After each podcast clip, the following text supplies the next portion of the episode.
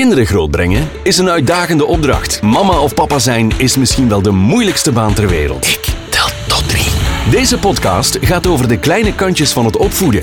Wij brengen echte verhalen met een knipoog, een traan en een lach. Want wat is het een voorrecht om dat kleine mensje te zien opgroeien met het hart op de juiste plaats. Welkom bij Ik tel tot drie. Studies hebben aangetoond dat kinderen en volwassenen ook, die zich in een groene omgeving bevinden, aangenamer zijn in contact, zich beter kunnen concentreren, zich beter in hun vel voelen en minder tot agressie komen. Geen enkele pil heeft een even gunstig effect op onze binnenkant als opgroeien omringd door groen. Ik ben Steven Gillis en in deze aflevering praat ik met Somaya Verstijn. Zij is natuur- en bostherapeute. Dag Somaya, stel jezelf eens voor. Dag Steven, dag luisteraars. Ehm, ik ben Somaya en ik ben eigenlijk van opleiding ergotherapeut en kinesietherapeut. Ik werk nu 20 jaar met kinderen en het is eigenlijk vanuit mijn werkveld zelf dat ik telkens dieper gaan kijken ben wat hebben kinderen nodig om te ontwikkelen en om eigenlijk zich goed in hun vel te gaan voelen. En het is vanuit die observatie dat ik eigenlijk begonnen ben om te kijken welke technieken kan je nog meer gaan toepassen in therapie, welke technieken kunnen ouders gaan toepassen bij hun kinderen, welke technieken kunnen leerkrachten gaan toepassen. En gaandeweg ben ik eigenlijk ook bij dat stukje natuur gekomen en wat, welk belang dat natuur heeft in die ontwikkeling van kinderen. Vandaar dat ik ja, dat meer en meer in mijn werk ben gaan integreren. Spelen kinderen anno 2019 te weinig buiten? Zeker weten dat ze te weinig buiten spelen, maar dat is ook een gevolg van onze omgeving en hoe dat alles veranderd is. Als je in de literatuur kijkt, um, dan zie je bijvoorbeeld dat ze zeggen in Amerika op 20 jaar tijd dat het speelvlak, de ruimte, eigenlijk tot negen maal kleiner geworden is voor kinderen. En als je eigenlijk kijkt naar onze ruimtelijke ordening, dan is dat juist hetzelfde. Het speelvlak dat ik vroeger als kind had, dat bestaat niet meer voor kinderen. Dat is nu een ringweg. Dus dat is eigenlijk een grote belemmering al voor kinderen om echt buiten te gaan spelen en aan natuurverbinding te gaan doen. Dus je zegt eigenlijk, er is minder plaats om buiten te spelen. Dat is zo in Amerika, dat is zo bij ons. Zijn er nog andere redenen waarom dat kinderen vandaag de dag minder buiten spelen? Er zijn ook nog um, de redenen waarbij dan mensen voorzichtiger geworden zijn door het verkeer. Um, ook sociaal, dan ze elkaar minder gaan vertrouwen, dan ze schrik hebben dat er iets met hun kinderen kan gaan gebeuren. En het is vanuit angst ook dat we eigenlijk zien dat kinderen vaak dichter bij huis gehouden worden en minder die ruimte krijgen om zelfs een lokale omgeving te gaan verkennen. Hoe was je zelf eigenlijk als kind? Op welke manier kreeg natuur in jouw kindertijd een plek in je leven en hoe is dat vandaag? Welke plaats krijgt natuur vandaag in jouw leven? Dat is eigenlijk enorm gegroeid. Um, als kind heb ik eigenlijk mijn eerste levensjaren op een appartement ook gewoond, op het 16e verdiep. Dus dat was ook niet zo eenvoudig om aan die natuurverbinding te doen. Nu, ik had wel um, een mama die mij heel veel meenam naar buiten en waarbij dat we veel te voet moesten doen en waarbij dat we eigenlijk de kans kregen om op hoekjes in in de stad zelfs een kat te gaan zien, stil te staan bij bloemetjes, bij de vlindertjes en bij de insecten die er waren. En dat is eigenlijk al een begin van natuurverbinding. Een ander iets was bij mijn grootouders. Mijn grootouders, zeker mijn grootvader, was zo iemand die graag stil zat. Die genoot van de rust. En ik was heel graag bij hem, maar ik wist als ik bij hem was dat ik op het bankje mocht zitten, stil en kijken. En hij heeft mij dan ook leren kijken naar de vogels. Van dit doet de merel.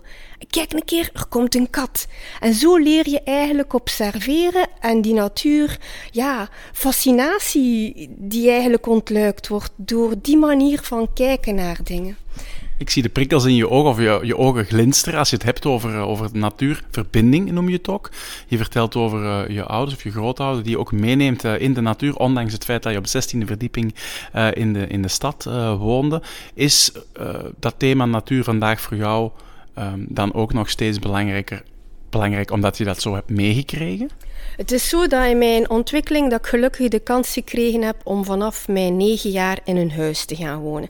En dan hebben wij een tuin gehad en dan was dat al spelen in die tuin en heel veel gaan ontdekken. Nu, dat is zeker een facet dat wij dan ook gezien hebben, het tuinieren. En dat zijn allemaal elementen die u ertoe brengen om naar een natuurverbinding te gaan doen. Nu zelf als volwassene ben ik eigenlijk daar de laatste tien jaar ook enorm in gegroeid, zou ik maar zeggen, veranderd. Door heel veel naar het bos te gaan. En nu eigenlijk ook meer en meer te kijken, ja, maar ik hoef niet altijd zo ver te rijden om aan die natuurverbinding te doen. Wat heb ik hier dicht bij huis? In een straal van vijf kilometer wat heb ik rondom mij, waarbij dat ik eigenlijk aan natuurverbinding kan gaan doen. En dat is eigenlijk heel mooi en, en je leert je zintuigen weer in te schakelen, niet tegenstaande dat wij die ehm, vaak uitgeschakeld hebben in onze technologische maatschappij. Je zegt, uh, je, geeft al een aantal voorbeelden van voordelen die, die natuur heeft voor uh, volwassenen en kinderen. Um, dat natuur goed is voor kinderen en volwassenen, dat lezen we eigenlijk overal. Um, is er ook onderzoek dat werkelijk bevestigt uh, wat de positieve effecten zijn van natuurbeleving? Ja, er zijn er op verschillende vlakken. Als ik dan bijvoorbeeld kijk naar um, de cognitieve ontwikkeling, dan zien we eigenlijk dat die cognitieve ontwikkeling, of dus de, het um, leren voor kinderen, enorm gestimuleerd wordt vanuit natuurverbinding, doordat wij onze zintuigen weer inzetten. Door eigenlijk verschillende zintuigen in te zetten, gaan wij eigenlijk dat brein gaan stimuleren en gaan wij op die manier verschillende mentale beelden gaan maken en gaan wij ook op die manier gemakkelijker dingen gaan opnemen en gaan verwerken. Dus op cognitief vlak is dat zo, maar ook op emotioneel vlak. Dat is ook een heel belangrijke ontwikkeling, waarbij dat wij ons leren goed voelen in onszelf, waarbij dat we eigenlijk ook leren rust vinden terug, waarbij dat we leren ontzag te hebben voor dat groter geheel, waardoor dat wij eigenlijk ook die natuur in al zijn facetten leren zien en dat wij daar ons opnieuw een onderdeel van gaan voelen. Want dat is iets dat wij ook heel vaak kwijt zijn, die afgescheidenheid die we hebben, waardoor dat wij ons onderdeel voelen van dat geheel. En het is doordat wij ons onderdeel voelen van dat geheel, dat dat ook een invloed heeft op onze andere sociale relaties. Dus dat is eigenlijk een heel belangrijke factor dat natuur ons kan gaan leren. Een ander iets is dan de spirituele ontwikkeling of de zingeving die we kunnen gaan vinden door naar die natuur te gaan kijken, dat we eigenlijk ja, een, een dieper contact met onszelf gaan vinden, waardoor dat wij ons beter gaan voelen en dat wij ja, een rust ervaren en ons plekje terug gaan vinden van waar sta ik in mijn leven en waar wil ik naartoe. Veel ouders zien wel de voordelen van natuur, of horen ze nu ook wel. En ik kan me voorstellen dat ze dan het idee hebben van oké, ik wil iets gaan doen, maar ja, ik kan gaan wandelen in een bos, maar wat kan ik nog, nog meer doen? Kan je dat ook spannend maken? Eh, kan je eens een voorbeeld geven van een spannende activiteit in, in de natuur die je zonder al te veel voorbereiding met kinderen kan gaan ondernemen? Um, bij spannend maken, dan zet ik dat heel snel tussen aanhalingstekens. Omdat het eigenlijk, um, als ik nu merk ook hoe dat ik met de kinderen werk, dan is het heel vaak een aantal losse elementen dat je gaat gaan geven van materialen. En dat kan heel simpel zijn, een aantal takken, waarbij dat je eigenlijk zegt bijvoorbeeld, ga eens een kamp bouwen. En hoe ga je dat gaan doen? En je geeft dan misschien wat touw en wat lakens. En binnen de kortste keer zijn zij eigenlijk bezig. Je gaat geen plan geven voor het kamp. Je gaat het materiaal geven en het proces leg je in handen van de kinderen. Ja, en sommige kinderen hebben wel wat sturing nodig, omdat zij niet goed weten van... Ze zijn eigenlijk gewoon om alles volgens plannetjes de dag van vandaag te gaan volgen, waardoor dan zij eigenlijk ook wel een beetje mogen leren hoe ga ik daar nu aan beginnen? Maar dat is eigenlijk ook hetgeen wat wij meer en meer moeten doen, is kinderen leren hoe dan ze die natuur moeten lezen. En leren hoe dan ze zich in die natuur moeten gaan begeven. Maar dat is een aantal elementen aanbieden, maar ook heel veel vrijheid aanbieden, omdat het juist die vrijheid is die die creativiteit brengt en die ook die rust brengt. Want je gaat op een ander niveau je brein gaan inschakelen. En zij lopen ook soms wel eens rond van, Somaya, ik verveel mij, ik weet niet goed wat ik moet doen. En dan zeg ik, schitterend, uw brein is aan het zoeken, je bent aan het En dan lopen zij mij een aantal takken rond en de volgende moment ze zij weer vertrokken. En als je zelfs naar eenzelfde kamp verschillende dagen na elkaar zou gaan, dat kamp evolueert constant. Een ander ding dat ik ook heel leuk vind om mee te geven zijn bijvoorbeeld looppotjes. Waarbij dan ze ook in hun eigen tuin, in de dingen op straat, kleine diertjes kunnen gaan onderzoeken. En dan ze dat dan vangen, vinden ze al fascinerend. Ik zeg altijd van draag er zorg voor en laat het op tijd vrij, dat het niet sterft. Maar dan gaan kijken en gaan onderzoeken. En dan vragen gaan stellen van, ah, en hoe ziet dat diertje eruit? Is dat uit één geheel? Bestaat dat uit verschillende delen, dat lijfje? Hoeveel pootjes heeft dat? Dat is eigenlijk die spanning en die fascinatie door middel van uw vragen. En dat is op zich al een, een hele spannend iets. Had... Je zegt eh, dus eigenlijk kinderen vrijheid geven, want dat, dat zorgt voor creativiteit, zorgt voor rust. Langs de andere kant ook gewoon er zijn en antwoorden die kinderen eventueel hebben ehm, als zij aan het onderzoeken zijn. Ehm, ja, antwoorden geven op vragen die zij hebben rond ja, hoe zien die diertjes er dan uit. Het hoeft niet groot te zijn. Ik kan me inbeelden dat dat heel erg interessant is voor die kinderen als zij ineens uh, dan geboeid zijn door die natuur of door die levende wezentjes. Maar hoe krijg je kinderen uit de zetel? En hoe krijg je kinderen van achter hun scherm weg om dat dan te gaan ontdekken? Wat me heel boeiend lijkt. Je moet dat samen gaan doen. Dat is echt weer kinderen meenemen en hun dat aanleren. Lijkt dat wij een kind aanleren om hun tanden te poetsen, om hun te wassen, moeten wij ook kinderen opnieuw aanleren om in die natuur te gaan. En met aanleren zeg ik ook tussen haakjes, omdat het eigenlijk in ons zit. Wij hebben een natuurlijke aantrekkingskracht tot die natuur. Ze noemen dat in de literatuur de biofilie. Dus um, vandaar dat dat belangrijk is dat wij gewoon die kinderen daarin brengen, dat wij een aantal prikkels aanbieden en de rest dat ontluikt zich wel. Ja, dus er is wel een taak weggelegd voor uh, mezelf als ouder, hè, mijn kinderen in die natuur te brengen, een aantal prikkels aan te bieden en dan te kijken hoe kunnen we daar uh, dan verder mee uh, gaan. Je vertelde daar juist, je hoeft niet altijd ver te gaan om in de natuur te gaan. Ik ben nu ook aan het kijken hoe dat ik in een straal van minder dan 5 kilometer eh, dingen kan vinden. Hoe weet je waar dat de coole plekjes zijn? Hoe weet je waar dat interessante um, plaatjes zijn om, om te gaan ontdekken? Waar, zijn daar mm, sites over of apps of ga je gewoon uh, zelf op verkenning? Ik denk dat het belangrijkste is dat je eigenlijk je omgeving dichtbij gaat gaan verkennen. En dat je niet altijd gaat gaan kijken naar wat zijn coole plekjes. Um, voor mij is het vooral een plekje waarbij dat ik voel van, ah, hier ben ik graag.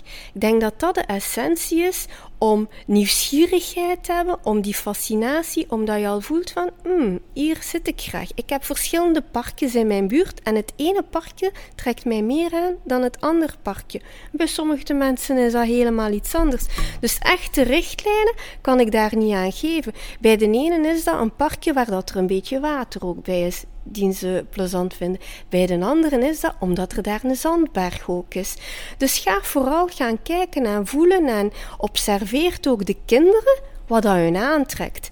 Want het is dat lijntje dat je eigenlijk wilt gaan versterken en dikker wilt gaan maken in die natuurverbinding en in dat buiten zijn. Ja.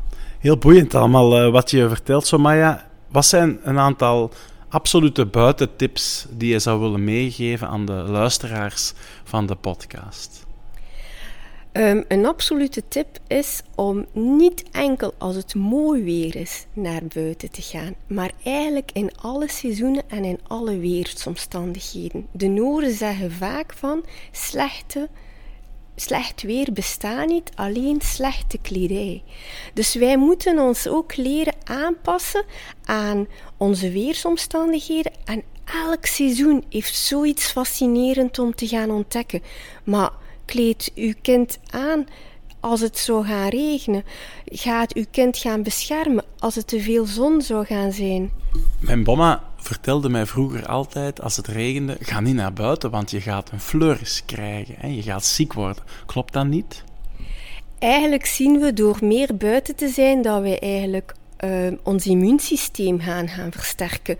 Ook doordat wij veel te hygiënisch zijn, worden wij eigenlijk meer ziek en hebben wij meer welvaartsziekten. Dus het buiten zijn, ook in die aarde en daarin mee in contact komen, maakt dat wij eigenlijk weer weerbaarder worden en sterker worden. En kinderen die veel buiten zijn, die hebben vaak een betere gezondheid dan kinderen die vaak binnen zijn. Je zegt dus ga maar naar buiten, het maakt niet uit welke weer het eh, is. Je kan dat naar kleden, zoals de Noren zijn. Zeggen, zijn er nog andere buitentips die je zeker wilt meegeven? Um, ik zou vooral zeggen, ga naar verschillende plaatsen, ga gaan ontdekken. Dat is eigenlijk het belangrijkste. En nog een belangrijk iets is misschien als we in het begin spraken over het wandelen. Veel ouders wandelen graag met hun kinderen, maar dat is iets dat kinderen niet altijd graag doen. En dat komt ook omdat wij in dat opzicht heel vaak van een punt A naar een punt B willen geraken. En dat zorgt er weer voor dat wij een bepaalde richting willen aanhouden, in een bepaald tijdstip er willen geraken, maar dat maakt dat wij niet echt aan natuurverbinding gaan, gaan doen. We gaan het heel vaak voorbij lopen. En kinderen die vinden dat eigenlijk heel fijn op, op eenzelfde plek. Dat is soms niet groot om dat te gaan verkennen. Dus dat is zo'n tip van oké, wandelen is ook goed, maar neem zeker momenten dat je echt een, een plek, de tijd hebt om te verkennen. Dus als je gaat wandelen en er zijn verschillende wandelroutes mogelijk, bijvoorbeeld eentje van drie kilometer, maar waar je weet dat er halverwege een groot plein is met veel zand en misschien een kreekje, eh, of een lange wandeling van, van zes kilometer en de kinderen zouden die zes kilometer wel aankon, kunnen, dan hoor ik jou zeggen, ga dan toch maar voor die korte wandeling en neem ook de tijd om gewoon daar te zijn. Zeker, maar ik denk dat beide kunnen. Um, maar ook de tijd nemen om te gaan ontdekken. En als zij dat gaan hebben, dan gaan zij ook soms een groter avontuur willen aangaan om zes kilometer. Want wat is er misschien als we onze actieradius vergroten, als we die plek plaats van maar drie kilometer stappen, zes kilometer, wat gaan we daar ontdekken? En dan heb je ze eigenlijk al mee. Maar in het begin is het belangrijk dat ze dat kleine plekje kunnen gaan ontdekken. En van daaruit kunnen lijntjes gaan trekken en kunnen ze meenemen naar grotere wandelingen. Dus dat is belangrijk. Ja, ik kan me ook voorstellen dat, um, slotvraagje, voor scholen um, dit ook heel interessant zou kunnen zijn. Hoe kunnen scholen, hoe kunnen leraren meer inzetten op zoals dat jij het zo mooi noemt, de natuurverbinding. Ja, ik denk dat heel wat school, um, de speelplaatsen op de scholen al heel wat kunnen veranderd worden van minder beton en veel meer natuurlijke speelterreinen. En daarom ook niet altijd direct vervangen naar vaste toestellen. Ik zou ook zeggen van er kunnen een aantal elementen zijn waarbij dan kinderen uitgenodigd worden, maar creëert ook zeker een hoek met een aantal losse elementen waarbij dan zij zelf weer moeten gaan ontdekken. Een ander aspect is door gewoon op zo'n plek met uw klas een keer te gaan zitten en gewoon te kijken en te luisteren en hun daar vragen in te stellen, dat je eigenlijk tot enorme ontdekkingen kunt komen. En dat geeft uzelf um, als leerkracht denk ik ook een zekere rust. Het geeft u een andere manier om contact aan te gaan met uw leerlingen. En je gaat sommige leerlingen dingen horen zeggen die je anders nooit zou gaan opmerken. En dan zie je eigenlijk iedereen weer op een andere manier gaan kijken, gaan zoeken. En ja, dat is op zich al een verrijking weer. Oké, dankjewel Somaya. Heel interessant. Uh, wat doe je eigenlijk in jouw praktijk? Hoe kunnen mensen jou vinden? Um, in mijn praktijk doe ik enerzijds therapie, maar ik ga ook eigenlijk veel inzetten op preventie. Vandaar dat ik in vakanties groeikampen doe tijdens het schooljaar ga ik inzetten op de pedagogische studiedagen of schoolvrije dagen, waarbij dat kinderen meeneem. Maar ik zet ook in op ouder-kindactiviteiten in de natuur. En ik noem dat dan scharrelmomenten voor ouder en kind, om echt te leren een kleine plek te gaan verkennen en aan natuurverbinding te gaan doen. Dus eigenlijk op heel veel verschillende terreinen zet ik in wat betreft ouder en kind. Um, voor volwassenen ga ik ook inzetten, omdat ik belangrijk vind dat volwassenen dat kunnen gaan voortonen hoe dat we dat terrein kunnen gaan verkennen, omdat ook wij dat een deel verloren zijn. Dankjewel voor de interessante uh, input. Hoe kunnen mensen jou bereiken? Ze kunnen mij bereiken via mijn website, dat is www.somaya.be. En daar staat heel veel informatie op. Ze kunnen mij bellen, mailen, wat dat voor hen het makkelijkst is. Somaya met een Y voor alle duidelijkheid. Dankjewel Somaya voor je interessante antwoorden en dankjewel ook aan de luisteraar voor het luisteren naar een nieuwe aflevering van Ik Tel Tot 3. Tot een volgende keer. Dit was Ik Tel Tot 3, de podcast over echt ouderschap. Abonneer je voor nieuwe afleveringen, reageer of stuur ons een berichtje op ikteltot3.be. Vergeet niet, je staat er niet alleen voor, want it takes a village to raise a child.